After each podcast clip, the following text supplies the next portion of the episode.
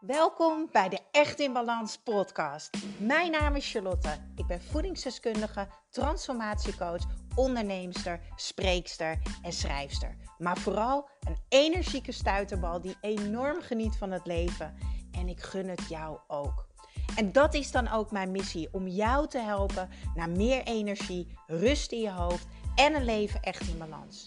Ik neem je mee in mijn dagelijkse routines, mijn persoonlijke reis naar de echte ik en mijn ondernemersavontuur. Maak je klaar voor een dosis positieve energie. Welkom bij de Echt in Balans podcast. Ik heb vandaag echt een super inspirerende inspiratietalk voor jou klaarstaan um, met Marleen Mos. Wij zijn samen live geweest op Instagram, op mijn Echt in Balans Instagram account. En zijn we samen in gesprek gegaan over haar burn-out. Zij kreeg een burn-out en na deze burn-out viel zij meerdere keren terug. Ze raakte overspannen, uit balans, ze raakte weer uitgeput. En ergens is dat ook best logisch. En waarom dat logisch is, dat hoor je in deze live sessie. Ga lekker luisteren. Ik weet zeker dat het je gaat helpen. Laat me ook weten. Stuur me een berichtje. Deel de podcast via Instagram. Vinden we super tof om te zien. En meer informatie over mijn coaching en het Echt in Balans programma vind je op echtinbalans.nl. Heel veel luisterplezier. Allereerst, uh, lieve volgers, wat fijn dat jullie erbij zijn. Ongelooflijk 26 mensen. Dat is echt live gewoon erbij, hè Marleen? Dat is echt super cool. Echt uh, ontzettend fijn uh, dat jullie er zijn. Dankjewel. Ik ga vandaag in gesprek met Marleen, omdat het mijn missie is om um, een burn-out bespreekbaar te maken. Maar ook om mensen te helpen een burn-out te voorkomen of te herstellen van een burn-out. En dat doe ik inmiddels uh, al een paar jaar. Um, en ik denk dat ik wel durf te zeggen dat ik de laatste weken pas echt de flow daarin heb gevonden. In de zin van ineens vielen alle puzzelstukjes samen. En um, gaat het gewoon heel fijn hier. Ja, ik heb het gevoel dat ik uh, hele mooie content aan het delen ben voor jullie. En dat geeft een heel goed gevoel, want ik wil jullie heel graag helpen. En uh, daarom heb ik Marleen gevraagd. Die had ik al een hele tijd geleden gevraagd voor de podcast. Op de podcast deel ik al heel lang uh, mooie inspiratietalks met mensen die overspannen zijn geweest of uit balans of een burn-out. Uh, maar ik zei tegen Marleen, joh, zullen wij gewoon lekker live gaan op Insta? En dan lukt het me vast wel om hem te downloaden en ook op de podcast te zetten. Nou, we gaan kijken hoe dat gaat aflopen. Vertel even in het kort. Marleen, wie ben je? Hoe oud ben je? Waar kom je vandaan? Ja, ik, uh, ik ben Marleen uh, van der Locht inmiddels. Ik uh, vorig jaar getrouwd. Nou ja, geregistreerd partnerschap is een beetje het nieuwe trouw volgens mij, wat tegenwoordig iedereen doet. Ik ben 26 jaar. Ik kom uit Drenthe, maar ik woon nu inmiddels zo ruim drie jaar ja, in Gelderland-Zuid. Het land van Maas en Waal. En ja, zullen, het komt vast nog te sprake. Maar inmiddels ben ik moeder van een zoontje die toevallig net gisteren één is geworden. Dus, uh, nog gefeliciteerd! Dankjewel. Ja, de kleine man is alweer één. Dus dat is, uh, een echt in balans baby! Een echt in balans baby, ja. Dus uh, ja, het is alweer een jaar geleden dat ik jou belde vanuit mijn ziekenhuisbed. ja. Ja, Marlene heeft mij echt gebeld op het moment dat ze net bevallen was. Nou, deze coach, die zat lekker mee te huilen. ja, dus uh, dat is een beetje ja. dit heel erg kort uh, gezegd wie ik ben. Ja. Vertel eens Marleen, jij hebt een burn-out gehad. Wanneer was dit? En vertel eens, hoe kwam je op dat punt? Hoe wist je dat het een burn-out was? Welke klachten ervaarde je? Um, ja, ik zat zelf ook al te denken hoe lang dat geleden is. Volgens mij is het nou drieënhalf jaar geleden, denk ik. Of tenminste, dat waren de eerste dingen. Ja, de eerste symptomen begonnen eigenlijk bij mij al wel toen ik nog op de middelbare school zat. Dat ik in tentamenweken uh, ontzettend huilerig was. Ik had al alleen maar hoofdpijn. Ik kon elke dag hele dag alleen maar huilen. Ik was ontzettend moe. Hoofdpijn. Uh, en toen begonnen eigenlijk al wel de angst- en paniekaanvallen. En daar heeft zich eigenlijk een beetje elke keer wat doorgezet. Af en toe wat met ups en downs. En uiteindelijk, die echte burn-out was 3,5 jaar geleden. En toen was ik. Uh, ik was toen net drie kwart jaar afgestudeerd van mijn HBO-opleiding. Dus ik begon net weer in een nieuwe fase, maar dat ik eigenlijk net weer aan het werk was. Ik was wel gelijk doorgegaan met een master. En toen uh, was eigenlijk het riedeltje opnieuw met hoofdpijn, huilen. Echt dat ik bij mijn baas aan het huilen was. Elke dag aan het huilen. Ik zag er al maanden tegenop om naar het werk te gaan. En ik had vooral elke keer zoiets van: ik moet weer in de auto daarheen en weer daarheen. Dus ik werd echt enorm geleefd. En ik weet nog wel dat het uiteindelijke punt was dat ik met mijn vriend en mijn moeder op de bank zat. Dat ik huilde en dat ik zei: Ik kan echt niet meer. En uh, ik ga morgen gewoon niet meer heen. Het gaat gewoon niet meer. Dus dat was uiteindelijk het dieptepunt. Ja. Ik denk dat uh, heel veel klachten voor uh, de mensen die luisteren of terugkijken herkenbaar zijn. De vraag die ik heel vaak krijg is: hoe weet ik nou of ik een burn-out heb of dat ik overspannen ben? En dan leg ik altijd uit: als je overspannen bent, ben je nog in staat, maar vraag niet hoe jezelf nog voort te trekken. Dus ik hoor jou heel erg zeggen: ik huilde, ik was moe, ik had hoofdpijn, ik kreeg paniekaanvallen. Maar ondanks dat kreeg je het nog voor elkaar om jezelf weer over die grens heen te helpen. En door en door. Wat was nou het punt dat je thuis zat dat je zegt, ja, ik kon niet meer. Maar hoe wist je nou, ik kan niet meer? Ja, ik weet nog wel dat op een gegeven moment in die eerste dagen, dat ik echt alleen maar op de bank lag. Ik kon de hele dag slapen. En ik weet nog wel dat als mijn moeder vroeg of ik iets te drinken wilde of zo, dat ik alleen al over nadenken wat ik wilde drinken was mij toen al te veel. Daar weet ik Oh, zo herkenbaar dit. Ik vond tandenpoetsen. Ik weet nog wel dat ik bij mijn vriendin sliep. De eerste, eerste paar weken van mijn burn-out sliep ik bij mijn beste vriendin. Want ik was ook net uit elkaar met mijn ex. En ik wilde niet naar mijn ouders, hoe lief ze ook waren. Maar hè, bij mijn beste vriendin voelde fijner. En zij, zij woonde gelijk vloers. Dus het uh, mijn tandenpoetsen was van de bank af de hoek om. That's it. En daar kon ik dus al een paniek van ervaren. Echt vanaf mijn voeten zo. Zo, ja, ik kan het niet uitleggen. Het was echt zo'n soort paniekdeken wat over me heen kwam. En uh, dit en druk hier en tranen. Het idee dat ik naar de badkamer moest om tanden te poetsen. Ja, ik weet inderdaad ik met name dingen had als mensen gingen dingen vragen. Bijvoorbeeld wat ik wilde eten wat ik wilde drinken. Dat was echt al veel te veel. Plus, ik wou niet alleen zijn. Want bij het idee dat ik alleen was, kreeg ik eigenlijk al weer angst en paniek. Alleen als ze bij me waren, moesten ze ook niet tegen me praten of te veel tegen mij zeggen. Want dat was eigenlijk ook al te veel. Dus wanneer ik wist dat iemand in de buurt was, dan was het eigenlijk wel goed. Uh, maar liefst ook niet tegen me praten. En ik weet dat series kijken of zo. Daar ging ook echt niet. Ik, ik, denk, ik weet dat ik met name gewoon lekker op de bank lag onder een dekentje of in mijn bed. Ik had uh, op die moment ook echt weinig structuur in mijn dagen. Uh, en natuurlijk in het begin dacht ik dat het gewoon overspannen was. En ik weet nog dat ik naar de huisarts ging en dat ik daar gesprekken mee had. maar toen een beetje inderdaad die klachten toch echt wel zo waren uh, ik al wel zoiets dit is niet een gewone overspannenheid.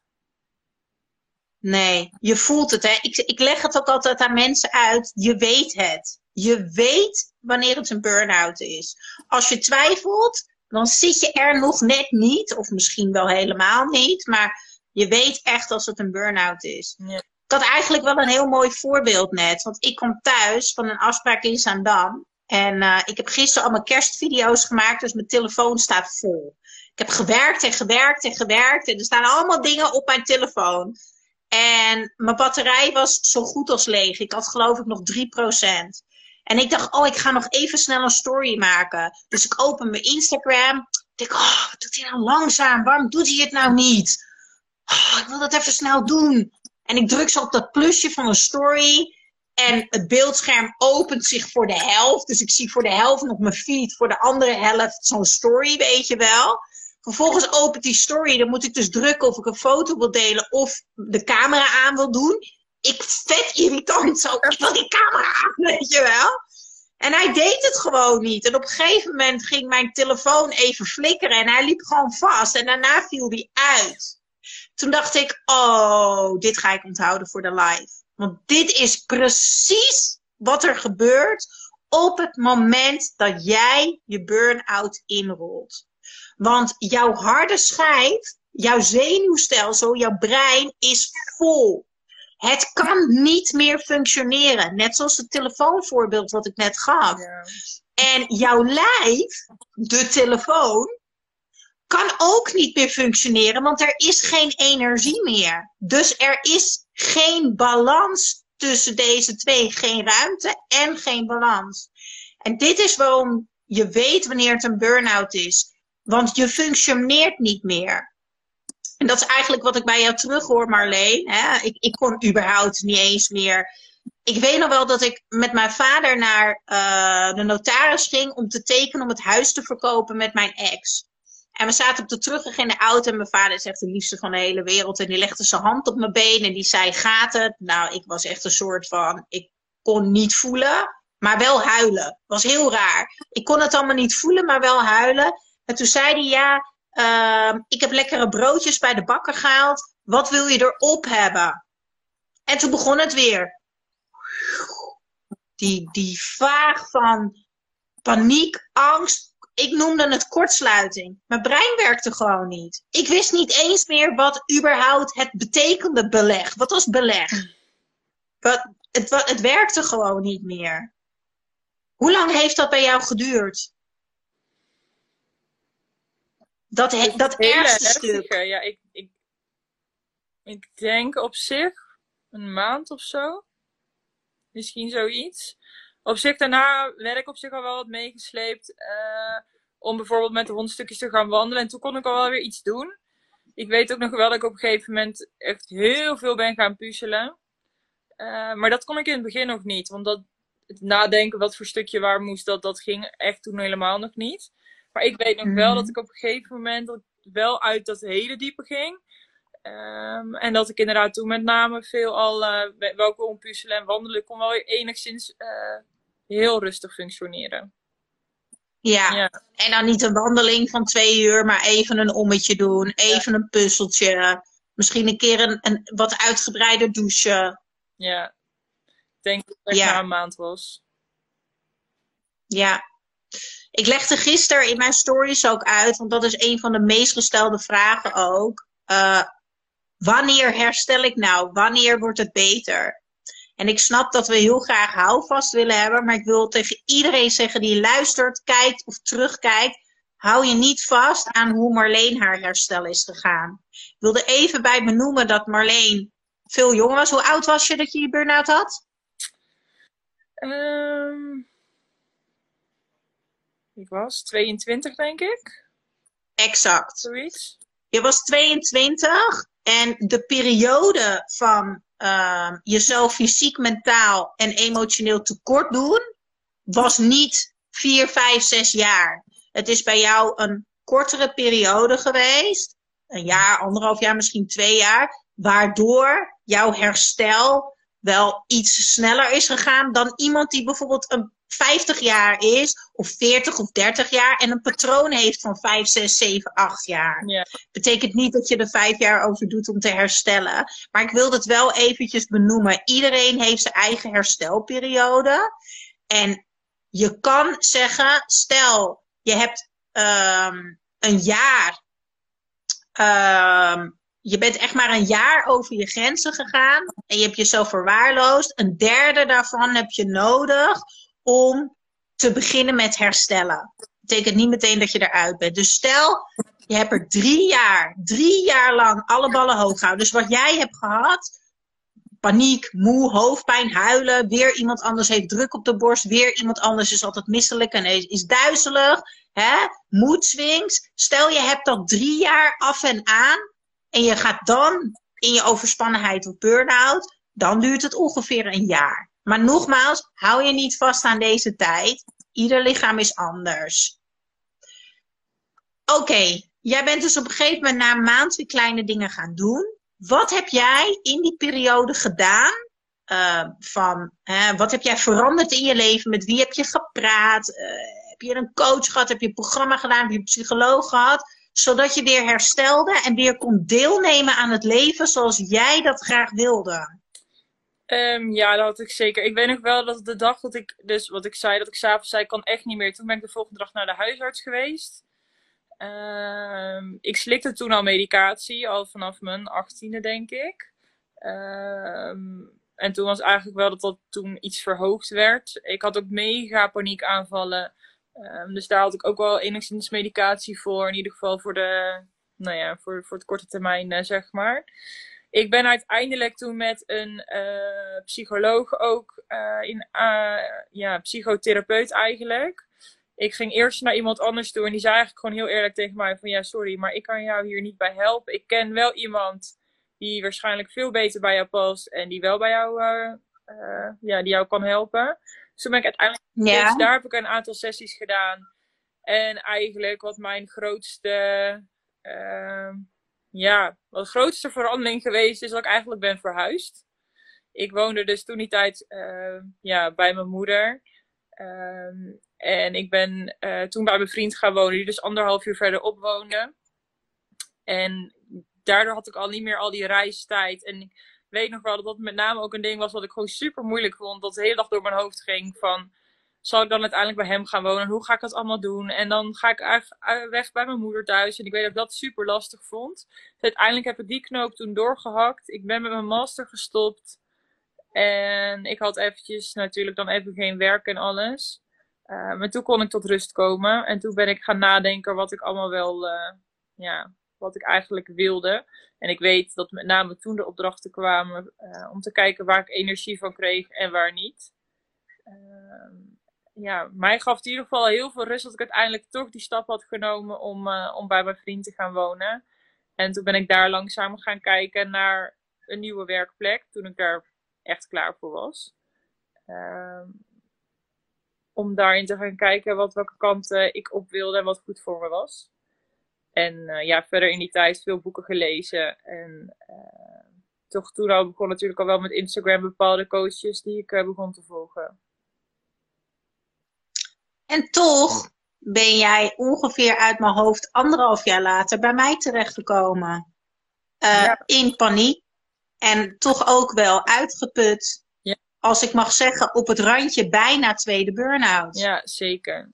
Ja, ik kwam toch alweer een beetje in, in de oude patronen terecht. Uh, ik had natuurlijk wel een psycholoog gehad. Um, daarmee ben ik vooral heel veel gaan graven in het verleden. En uiteindelijk ben ik daardoor soort van weer losgelaten. En er waren wel dingen die ik had geskipt. Uh, zoals wat langere reisafstanden. Uh, ik, ik, ging eventjes niet meer uh, alles op en neer rijden. Mijn master was gestopt. Dus dat, er was wel iets van mijn to-do-list af, als het ware. Uh, maar ik ging wel weer werken en werken en feestjes en gezelligheid. En er kwam wel weer steeds meer bij. En bepaalde patronen bleven toen hangen.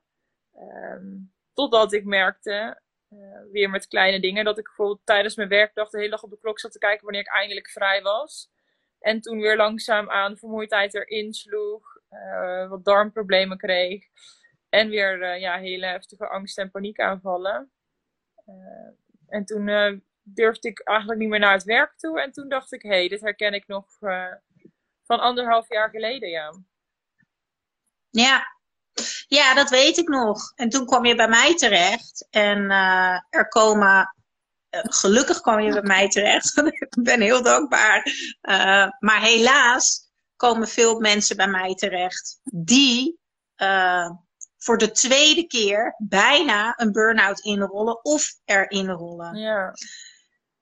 En daarom heb ik je ook uitgenodigd, omdat ik alle mensen die mee luisteren, kijken, terugkijken, uh, die een burn-out hebben, of misschien in een periode zitten dat ze uit balans zijn, uh, overspannenheid ervaren, dat het super belangrijk is dat jij ervoor gaat zorgen dat jij de tekorten, alles wat je jezelf tekort hebt gedaan, dat je dat gaat aanvullen.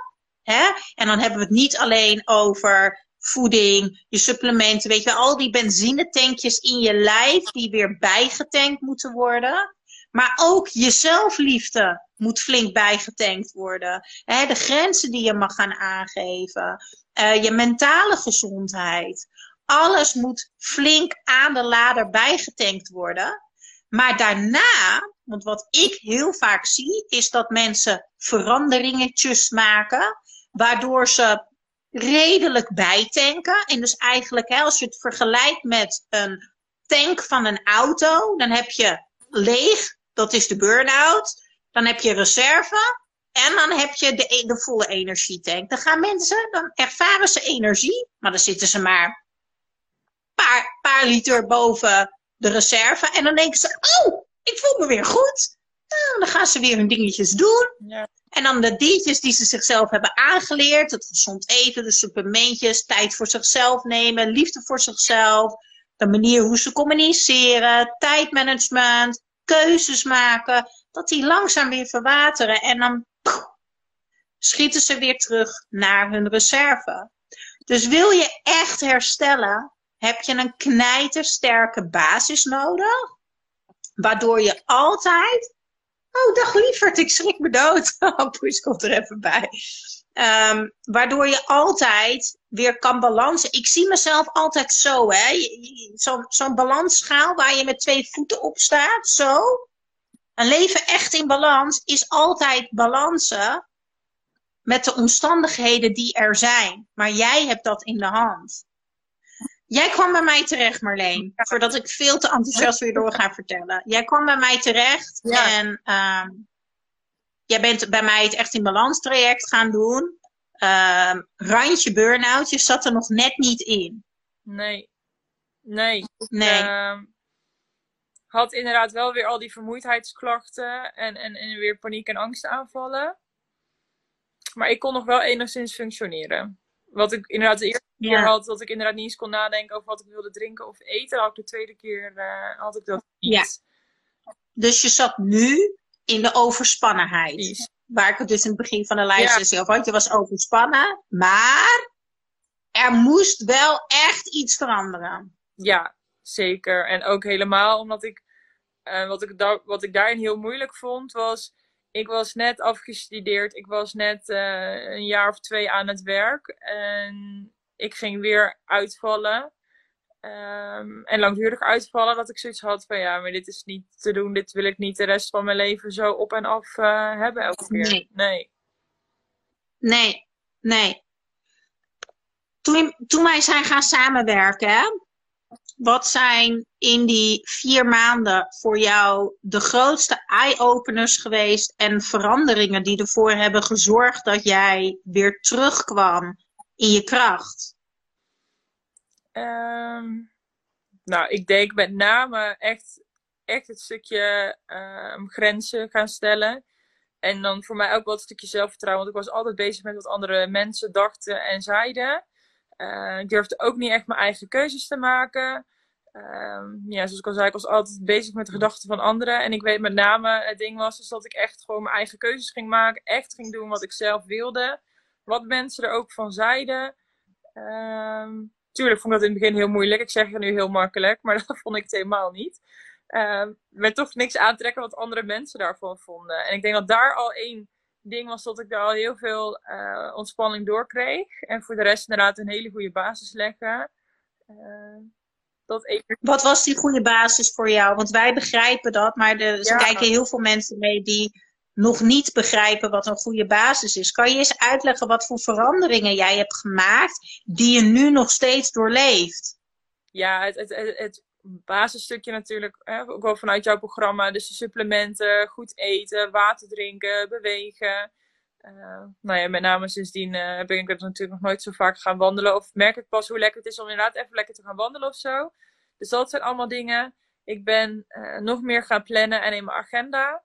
Um, en denk ik ook wat het grootste ding is dat ik niet alleen maar mijn agenda vul, maar dat ik ook echt kritisch kijk hoe mijn agenda eruit ziet in de week.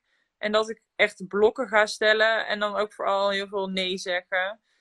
Dat kon ik echt niet. Ik zei overal ja op, dus mijn agenda was bom en bomvol.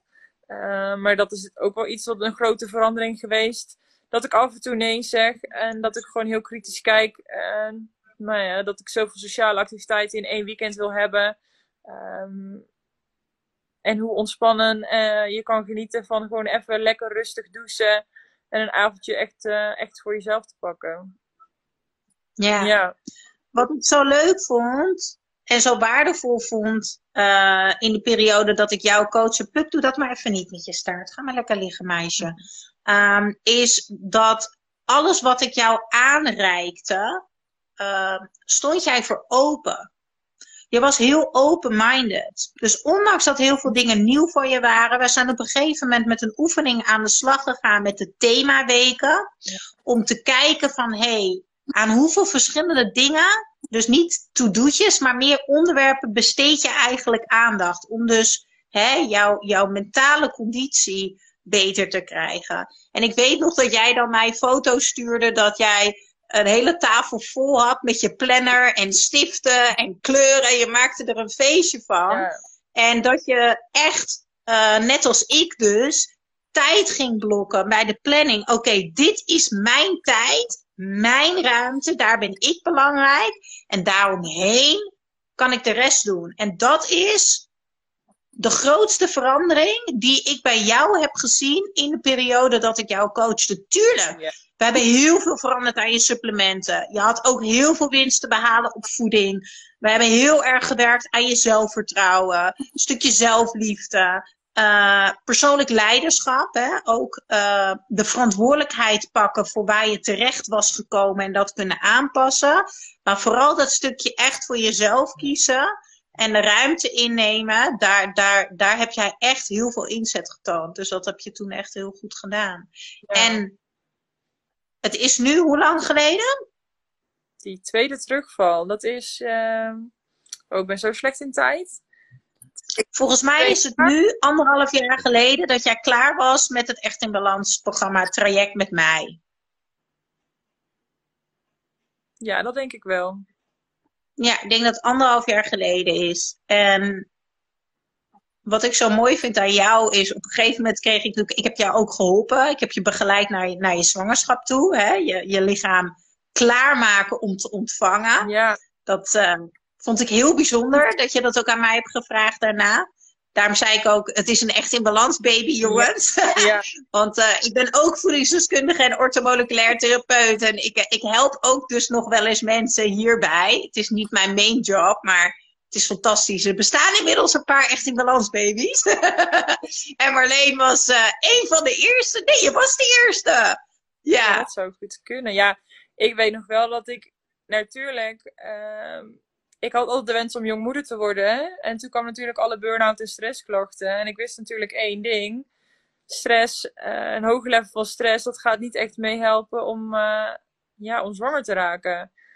Dus ik wist dat dat een ding was waar ik echt wel mee bezig moest gaan. Plus natuurlijk, uh, ja, hoe gezonder je leefstijl, natuurlijk ook hoe beter. dus ja, daar heb ik jou toen op een gegeven moment wel over ingelicht. om, om enigszins in een paar dingen te helpen, ja. Ja. Ja. En toen veranderde jouw leven. En dit is heel interessant, want jouw leven veranderde. Je werd mama. Ja. En op een gegeven moment stuurde je mij een berichtje. Sharp, kan ik weer even een sessie met je inplannen? Want ik raak uit balans. Ja, kijk, ik, ik had natuurlijk alles heerlijk op orde. Um, de tijd dat jij mij coachte ook. Ik was minder gaan werken. Ik had dagen vrij. Um, dus ik had alles heerlijk op orde. Ik woonde nog in een klein huis. Uh, maar ja, toen kwamen er ineens zoveel veranderingen in een paar maanden tijd. Wat ik natuurlijk ook super geweldig vond. Maar ik merkte wel dat al die geleerde lessen die ik had gedaan uh, heel lastig was. Om dat uh, ja, door te zetten en weer door te geven in, in de nieuwe situatie.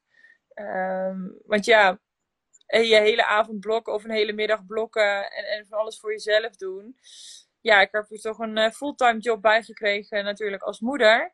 Um, en daarin uh, waren nieuwe uitdagingen. En ik had zoiets, dit is even weer het moment om Charlotte te berichten, om toch ook hier weer naar te gaan kijken. Dus dat heb ik uiteindelijk gedaan, een tijdje geleden. En dat vind ik zo mooi, want hierin laat je weer leiderschap zien. Je pakt persoonlijk leiderschap, je pakt de verantwoordelijkheid. Oké, ik ervaar dit en dit, je bent heel bewust. Ik noem dat altijd een APK'tje. Even mijn coachingberichtje sturen, even een APK'tje om weer even de puntjes op de i te zetten. En ik had het in het begin van de live sessie erover. Een leven echt in balans is altijd hè, op die weegschaal zo staan. Balansen in de situaties die zich voordoen. En jouw situatie veranderde. Dus mocht jij op, opnieuw de balans voor jezelf opzoeken. Opnieuw de ruimte innemen. Opnieuw jezelf belangrijk maken. Ja, en daar waren we eigenlijk best wel weer snel. Want de basis zat er gewoon nog. Alleen, je mocht weer even overzicht krijgen. Ja, en ook toen kwam toch weer een stukje agenda en planning uh, enigszins om de hoek te kijken. Uh, ja. En kritisch kijken naar de tijd. En ik weet nog wel dat je toen onder andere zei van... Oké, hij doet een middagdutje, benut die tijd.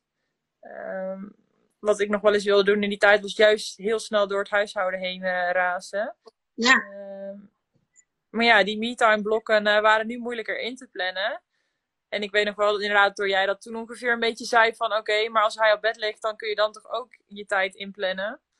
Uh, ja. Dus dat is wel één, uh, één verandering die ik in de laatste, de laatste week heb doorgedaan. Dat ik uh, ja. daar dan mijn tijd pak. Um, maar ja, het, is, het was weer even schakelen hoe ik het nu ging doen. Maar soms inderdaad met een paar kleine tips. En aangezien ik best wel veel weet nu inmiddels, heb ik soms inderdaad niet lang nodig om weer op het juiste spoor te komen. Ja, mooi. Zullen we aan de vragen beginnen? Yes, helemaal goed. Ik hoop dat ik ze allemaal heb onthouden, want ik kan dus niet meer mijn Instagram-box. Maar wat ik al zei, anders zorg ik dat deze alsnog ook uh, live komen later. Uh, de eerste vraag, uh, dat was, hoe ging jij om met de onrust? Zij vertelde in een verhaal in de DM-box dat ze net thuis zit, drie weken. En dat ze ontzettend veel moeite heeft met het niks doen. Want dat is eigenlijk, als je dan in die burn-out komt, ja, dan kan je niet meer. Dan lig je uitgeput op de bank, maar je ervaart zoveel onrust. Hoe ging jij daarmee om? Ja, ik, ik, die onrust, dat weet ik ook nog wel.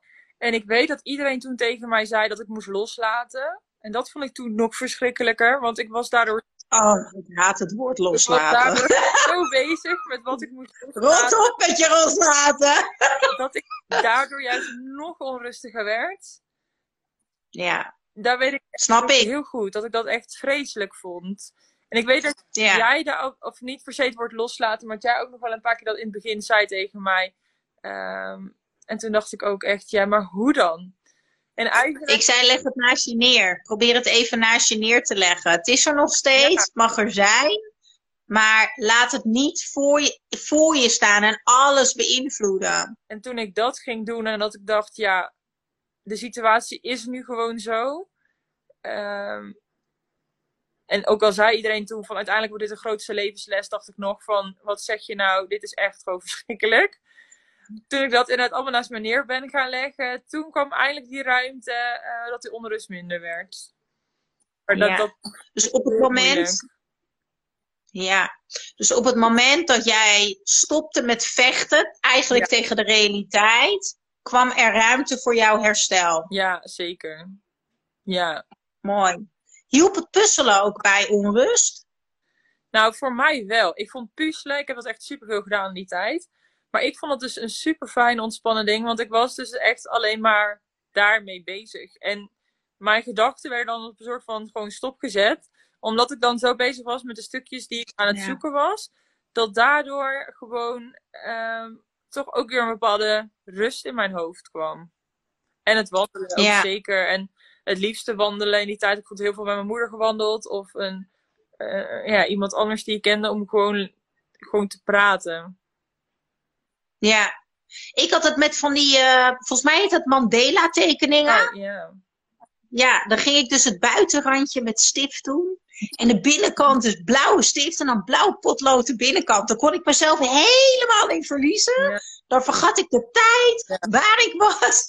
En dat, dat, dat zorgde er bij mij voor dat ik, uh, dat ik eigenlijk weer rustiger werd. Ja, ja. ja. en warm douchen.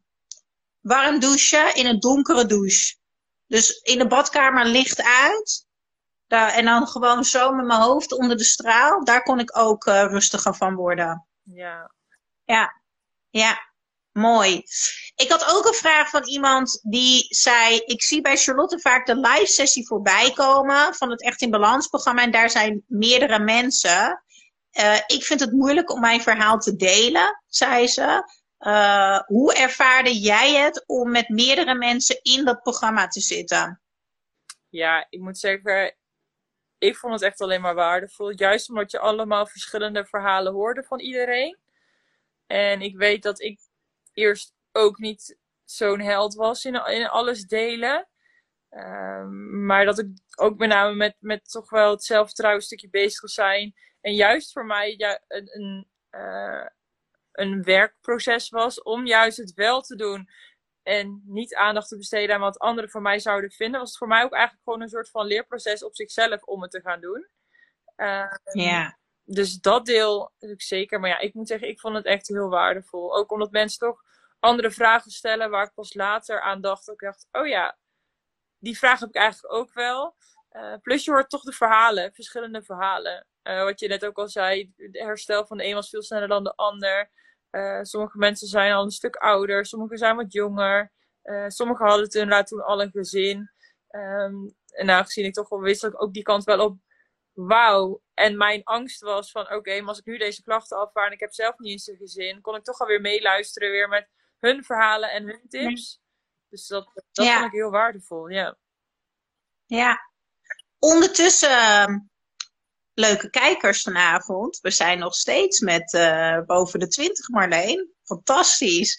Um, heb jij een vraag aan mij of Marleen? Kan je deze nu ook delen? Ik heb geen idee hoe je dat in een vragenbox doet, dus het mag ook gewoon in de chat.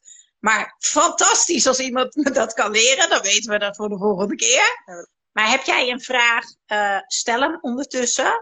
Ik ga even heel diep nadenken over uh, de derde vraag uh, die ik binnenkreeg.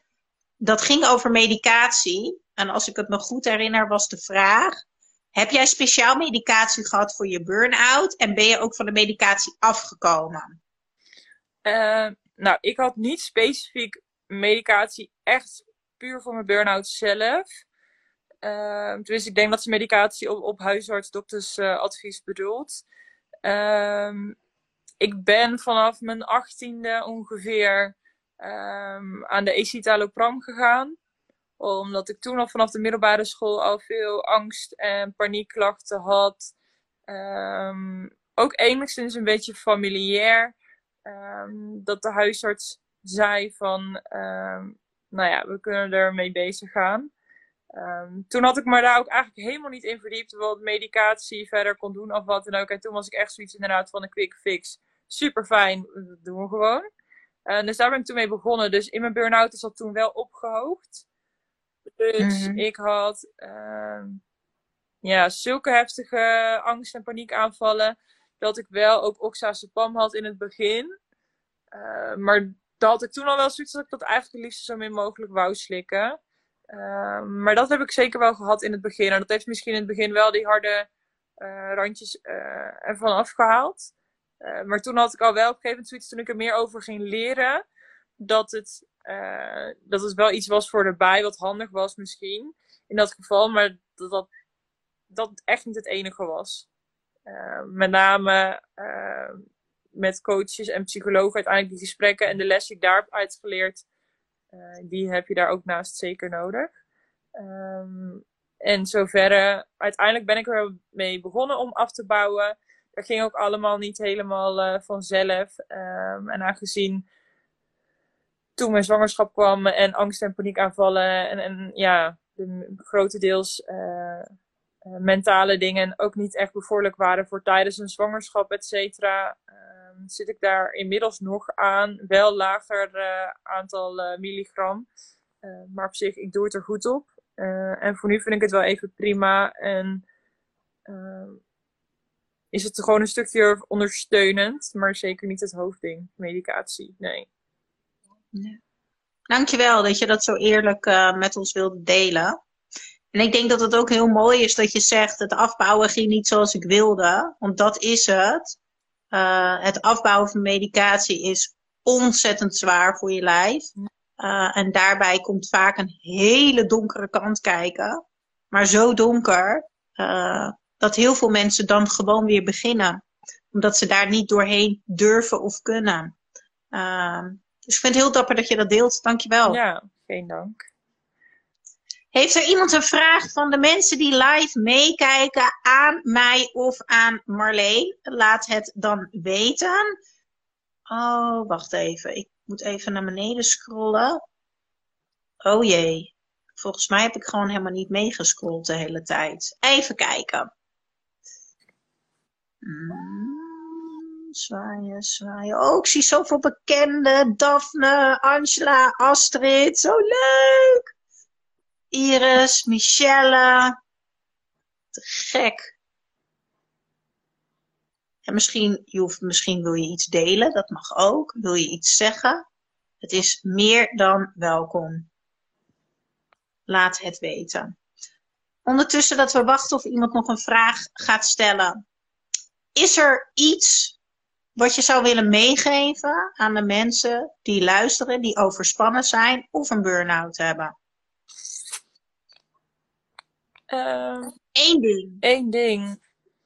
Nou, ik weet nog dat in de tijd dat mensen tegen mij zeiden dat het een, een, een grote levensles zou zijn en, en et cetera, en het voor je leven zou veranderen, weet ik nog dat ik er in die tijd echt een schurfthekel aan had. Dat ik het echt vreselijk vond uh, dat al, alle mensen dat tegen mij zeiden. Uh, maar ik merk wel dat ik nu uh, zo anders in het leven sta en zoveel dingen dat ik heb, onder andere als grenzen stellen en andere dingen, dat ik denk, oh ja, ik, daarin ben ik dan weer zoveel verder dan anderen van mijn leeftijd. Dat ik al zoveel levenslessen heb geleerd nu. Um, dus ook al voelt het misschien nu op dit moment niet zo, als je nog echt in die diep overspannenheid zit en iedereen die tegen je zegt van oké, uiteindelijk is het ook iets soort van positiefs. Nou, dat kon ik echt niet inzien. Maar achteraf is het het wel echt geweest. Um, dus ik hoop dat mensen die er nu in zitten toch ook over een paar jaar zo er toch ook enigszins ook positief op terug kunnen kijken. Ja, ja. Dat hoop ik ook. Want voor mij geldt precies hetzelfde. Mijn burn-out is mijn donkerste periode geweest. Maar het is het allergrootste cadeau wat ik had kunnen krijgen. Uh, maar toen snapte ik daar inderdaad helemaal niks van. Nee, zeker niet. Nee. Hé hey Marleen, het is niet te filmen, maar ik zie een plus 1 bij het vragenboxje. Ik geloof dat wij gaan ontdekken hoe het werkt. Ik ga erop drukken. U heeft geen vragen. Oh. Ik denk dat het. Uh... Ik denk, nou, nou komt het. Nou, dan ga ik in de chat kijken, want dan zag ik er ook uh, twee voorbij komen. Ik heb een vraag van Soraya. Ik heb soms het gevoel het niet goed genoeg te doen. Vind het best lastig om daar een balans in te vinden. Hoe is dat voor jou, Marleen?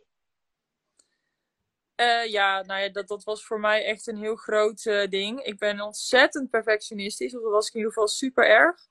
En ik weet nog wel dat uh, ik alles meer dan goed wilde doen. En ik heb dat nog steeds af en toe wel. Uh, en die balans vinden was ook zeker heel lastig. Maar ik denk dat dat met name ook een stukje was. Het, het, zelfvertrouwen en, en waar dat dan precies wegkomt. Uh, dat daar dan de grootste winst in ligt. Ik weet nog wel dat ik het met name wou doen. Uh, zodat andere mensen het allemaal goed vonden. Ehm, et cetera. Dus ik denk dat het voor mij daar het grootste deel in zat. Ja. Ja, Soraya, ik zou hem ook bij jezelf neerleggen. Wanneer vind jij dan dat jij het goed genoeg doet? Wanneer is het voor jou goed genoeg? Schrijf dat maar eens uit en, ja. en, en kijk daar maar eens naar. En waar dat werkt. Uh, dat is denk ik het belangrijkste toen, in ieder geval voor mij. Uh, ik weet nog wel dat, ja. het voor mij ook daarom een stukje oorzaak was. Ik moest en ik zou gaan werken en een master doen en het allerhoogst haalbare doen. En ik moest die in die cijfers halen op school. Ja. Um, dat was voor mij het grootste ding. En ik moest goed functioneren in de maatschappij. En ik moest zoveel dagen en uren werken. Um, en toen ik daar ben uit gaan filteren van... oké, okay, maar waarom moet het allemaal? En waarom wil ik daar daarna aan, aan voldoen? En wat als het niet zo is? Dat daar de, ook de grootste winst heeft gelegen bij mij. Heel mooi. En dat is wat ik natuurlijk ook altijd uh, vertel in het Echt in Balans programma. Ga het gesprek met jezelf aan. Dat is precies wat jij hebt gedaan. Ja. ja, maar waarom wil ik dat dan? En maar wat brengt het me dan? Heel mooi. Mooi. Even kijken.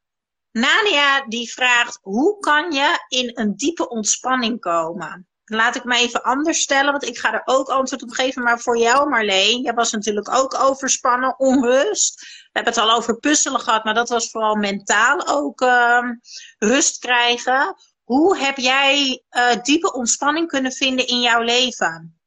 Mijn leven. Wat werkt voor jou? Wat ben je gaan doen? Um, een hele fijne oefening van jou vond ik om, om gewoon puur op bed te gaan liggen met een doek over mijn hoofd. Um, bepaalde nummers op te zetten.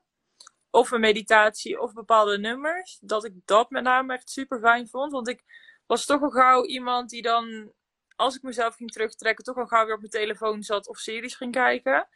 Uh, maar echte diepe ontspanning kon ik met name vinden door inderdaad gewoon te gaan liggen en een handdoek of iets voor over mijn ogen te doen. Uh, donker. En dan of inderdaad meditaties of dergelijks, of ademhalingsoefeningen te doen. Ik denk dat ik daar met name mijn diepste ontspanning uit heb gehaald in die tijd. En ook. Mooi. Ja. Mooi. Hoe kan je diepe ontspanning ervaren op het moment dat je eigenlijk gespannen bent, overspannen? Op het moment dat je niet kan ontspannen, dan raak je op een gegeven moment ook, als je dat een langere periode uh, bent, overspannen. Het eerste wat ik je zou willen meegeven is vertragen. En vertragen betekent niet per se minder doen, maar vooral de dingen anders doen. Vanuit rust, vanuit het hier en nu, met twee benen op de grond, bewust. Daarnaast verzachten. En daarmee zeg ik altijd, uh, behandel jouw lijf alsof het je kindje is. Je dochter. Daar zeg je ook niet tegen, stel je niet aan, ga maar door en doe je lelijk tegen en loop je half tegen, de, tegen te schelden en gebruik je allemaal lelijke woorden. Ga eens oefenen met tegen jezelf praten op een andere manier, een liefdevollere manier. En dat hoeft niet in één keer goed te gaan. Maar een verandering in je woorden kan al zo'n verandering brengen in je, fysie je, fysieke staat van zijn. Ja. Dat is echt niet normaal. De ander is verwarmen. Jouw lijf heeft stress. Op elke mogelijke manier. Je staat aan, je staat in de overlevingsmodus. Warmte verzacht, vertraagt. Eigenlijk al die dingen die ik net noemde. Dus neem een warme douche. Ga in het warme bad liggen. Leg een kruikje uh, rechts tegen je zij aan, bij je rib. Uh, waar je nieren ook zitten, om je nieren en je lever ook te helpen. Drink warme theetjes. Daarin zou ik ook zeker uh, brandnetelthee aanraden. En sali-thee helpt ook je lijf te ontspannen. Um, en ga liggen. Ga zitten. En het hoeft allemaal niet in één keer. Ik heb ook bijvoorbeeld een podcast opgenomen die heet Pissen is ademen. Zo simpel kan het zijn. Elke keer als je gaat plassen. Want wat er gebeurt is op het moment dat jij overspannen bent of in een burn-out zit, zit jij in je hoofd. Je bent aan het overleven, dus ze nemen het stuur over. Maar wat je moet, wat mag gebeuren om te herstellen, nee, wat moet gebeuren om te herstellen, is weer in je lijf zakken. En gaan herstellen en helen. Maar dan moet je wel naar je lijf. Wat gebeurt er als je inademt? Je zakt in je lijf. En je spieren en je zenuwstelsel en alles krijgt heel even een ontspanningsmoment. Drie keer rustig in- en uitademen als je naar het toilet gaat om te plassen, is al een supermooi begin. En desnoods begin je met één keer. En ik weet nog wel dat ik begon met ademen tijdens mijn burn-out, dat ik heel veel blokkades voelde. Dus ik kon niet gewoon. Dacht ik naar mijn navel ademen, naar mijn navel ademen. Ik was blij als ik hier kwam. Weet je wel? Dus ik moest eigenlijk door die blokkades heen ademen. Maar niet, weet je wel, zo agressief van nou het lukt niet. Maar liefdevol van oké, ik voel het nu. De volgende ademhaling ga ik rustiger wat meer dieper doorheen ademen. Die blokkades is ook al die spanning in jouw lijf. En magnesium. Magnesium, magnesium, magnesium. Magnesium is echt nodig om je ontspanningshormoon te laten groeien. Magnesium slikken, maar ook magnesium via de huid. Voetenbadje, in bad, olie, noem het allemaal maar op. Heel erg belangrijk. Sorry, er wil iemand heel veel aandacht hier. Dankjewel voor deze vraag. Uh, even kijken of er nog eentje is. Ja, Astrid, dankjewel. Ik hoor bij jou ook veel moeten. Dat vind ik toch erg lastig om, uh, om het moeten voor mezelf uh, om te zetten in mogen. Hoe was dit bij jou? Hele goede vraag. Ik vind in heel veel gevallen dat alles mag. Niks moet. Daarmee bedoel ik, uh, je mag wandelen. Je moet niet. Uh, je mag mediteren. Het moet niet. Uh, je mag gezonder gaan eten. Het moet niet. Maar wat je wel moet begrijpen, is dat als jij niks verandert, en als jij jezelf niet belangrijk maakt, als jij geen ruimte gaat innemen, als jij niks verandert aan de dingen in jouw leven, dan gaat het een hele lange periode duren voordat jij je beter gaat voelen. En als je je beter voelt, dat je ook op die fijne plek blijft. Maar elk stapje is er één. Elke verandering is er één. Als jij morgen start met één keer in- en uitademen, is het al pure winst vergeleken met gisteren. Stel, je doet elke dag één ding. 1%. Waar ben je dan over een jaar? Heel ver. Dus van mij moet je voor jezelf kiezen. Want waarom zou je voor iemand anders kiezen? Jij bent hier alleen. Jij komt hier alleen en je gaat alleen. En wij willen als vrouw heel graag geven, geven, geven. Dat is het mooiste wat er is. Ik geef heel veel. Maar je kan alleen geven op het moment dat je ook iets hebt om te geven. Als je leeg bent, heb je niks om te geven.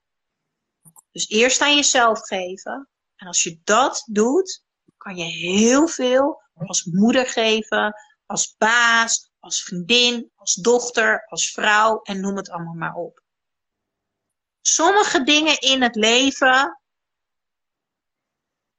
moeten volgens mijn eigen regels. Dat noem ik mijn, mijn leefregels. Ik ben het verplicht aan mezelf om voor mezelf te kiezen, vind ik. Dat is mijn mening. Want elke keuze die jij maakt in je leven bepaalt waar jij terechtkomt. Dus dat ik een burn-out kreeg, was mijn schuld. Niet door alle dingen die ik heb meegemaakt. Nee, de keuzes die ik heb gemaakt tijdens de dingen die ik meemaakte, hoe ik er naar keek, hoe ik ermee omging, hoe ik met mezelf omging. Hoe kijk jij daarnaar, uh, Marleen, naar het moeten en het mogen? En vooral ook, ik wil nog één ding zeggen. Wat wil je? Dat is een hele belangrijke. De mensen die mijn anti-burnout challenge hebben gedaan, die hebben daar ook een masterclass over gekregen. De vraag is niet wat moet je, de vraag is wat wil je? Wie wil jij zijn? Hoe wil je voelen? Wil jij, wil jij je beter voelen? Dan mogen dingen anders. Dus wat wil jij echt? Marleen. Mogen, moeten, willen, hoe sta jij daarin? Uh, ja, ik denk dat die vraag ook met name uh, net gekomen is op het stukje dat ik zei dat ik, ik heel veel moest van mezelf. In de zin op school, uh, in mijn werk, dat ik overal de beste in moest zijn. Um, en ik denk dat ik met name vanuit die reflectievragen heb geleerd. En dan met name de reflectievragen, oké, van wie moet het? En is het nou echt dat het zo moet? En vooral, oké, maar wat als het niet zo is? Wat is dan het ergste wat kan gebeuren? Dus echt door al die reflectievragen, dat ik dacht van ja, maar waarom moet ik inderdaad de beste hierin zijn? Of waarom moet ik dit doen? Um, dat ik daarin ben gaan nadenken. Uh, en toen al die moedjes er wel af zijn gegaan. Um, en ik weet nog wel dat toen één ding was, ja, we moeten één ding en dat is ademen. Um, en de rest mogen we allemaal. Um, en ik merk dat ik sindsdien ook echt allergisch inderdaad ben geworden voor het woordje moeten. Uh, maar dat het voor mij heel erg mee bezig is geweest om gewoon alles te reflecteren van wat ik zei. Dus al mijn gedachten uit te schrijven. Um, en dat het nog steeds een ding blijft uh, wat toch ja, een soort van tussen je oren zit. Ja, en als ik naar mezelf kijk en de dingen die ik doe uh, om me zo goed mogelijk te voelen. Ik, ik wandel dagelijks, ik sport twee, drie keer per week. Ik eet gezond. Uh, ik eet mijn groenten, ik neem mijn supplementen. Uh, ik ga op mijn spijkermatje liggen, ik neem lekker een voetenbadje met magnesium. Um, ik doe dat omdat ik het wil. Want het laat mij zo goed mogelijk voelen. Dus het zijn geen moedjes voor mij. Dat, het is niet eens een discussie, want ik wil het heel graag. Ik wil heel graag goed voor mezelf zorgen. Want ik weet hoe goed ik me dan voel. En ik zie dat bij jou ook terug als ik kijk naar onze laatste sessie. Het feit dat je mij een berichtje stuurt, betekent dat jij heel graag die balans weer wil vinden. Je moet het niet van jezelf. Je mag ook lekker een paar weken lekker huilend op de bank liggen als je daar zin in hebt. Er is geen goed en fout. Nee, maar ik denk dat het ook met name komt als je op een gegeven moment weer hebt ervaren hoe het is om die ontspanning te varen en, en pure geluk en alles. Uh, dat gevoel dat is zo fijn. Dat ook al ervaar je op een gegeven moment een moment iets minder. En die dagen heb je altijd. Uh, maar wanneer die dagen langer gaan duren, dat je wel weer verlangt naar dat moment om dat pure ontspannen gelukgevoel weer te ervaren dat het daarom ook alles waard is om dan weer dingen aan te pakken om het weer op die manier te krijgen. Ja, ja zeker. Ja, daar ben ik het helemaal mee eens. Ik had het toevallig vandaag erover met uh, een vriendin. Ik ga natuurlijk regelmatig ook naar een dansfeestje. En uh, dat wil ik heel graag, want ik word daar heel blij van. Maar uh, deze oma, die is 35 en die moet tegenwoordig een week bijkomen. Als er naar een feestje is geweest. En ik vind het feesten zo leuk. Ik word er zo blij van. Ik voel me zo vrij. Er is zoveel joy. Maar ik heb er echt oprecht vijf, zes dagen last van. Als je normaal gesproken een, um, een, een, een, een acht of een negen of een tien bent. En door dat feestje ben ik een vijf of een zes dat verschil daartussen is zo groot dat ik dat als niet prettig ervaar. Um, en dat maakt dat ik nu wat minder vaak naar feestjes ga. Ik doe het nog steeds, uh, maar ik maak daarin gewoon keuzes. Bijvoorbeeld, ik ga nu alleen nog maar naar dagfeesten. Ik ga niet meer naar nachtfeesten. Het is zover, ik ben officieel oma. ja, en dat doe ik dan vanuit wat wil ik en wat is belangrijk voor mij. Wie wil ik zijn en hoe wil ik mij voelen? Ik mag alles. Maar wat wil ik? En wat draagt bij aan wie ik wil zijn en hoe ik me wil voelen? Wat is belangrijk voor mij? Ja. Ik denk dat dat een hele mooie is om af te sluiten. Ja, ik zie dat ehm. we een uur, een uur verder zijn onderhand. Oh ja, ik kan de tijd niet zien. Dat is fantastisch. Dankjewel ja. dat je tijd hebt gemaakt, uh, Marleen. Ik vond het fantastisch uh, om jou uh, te coachen in het Echt in Balans programma. de wandelsessie hebben we ook nog ook gedaan. gedaan ja. ja. inmiddels, ik sta nog steeds aan je zij. Ook gedaan. Ja, de Echt in Balans baby. Dankjewel. Dankjewel voor het delen. Het was super inspirerend. Uh, ik ga nu proberen de video te downloaden. Dus wish me luck. Ik ben heel benieuwd. Uh, lieve mensen, dankjewel dat jullie er waren. Uh, kijk je later terug. Heb je nog een vraag aan Marleen? Kan je die mij sturen via Instagram? Zorg ik dat die bij Marleen terechtkomt.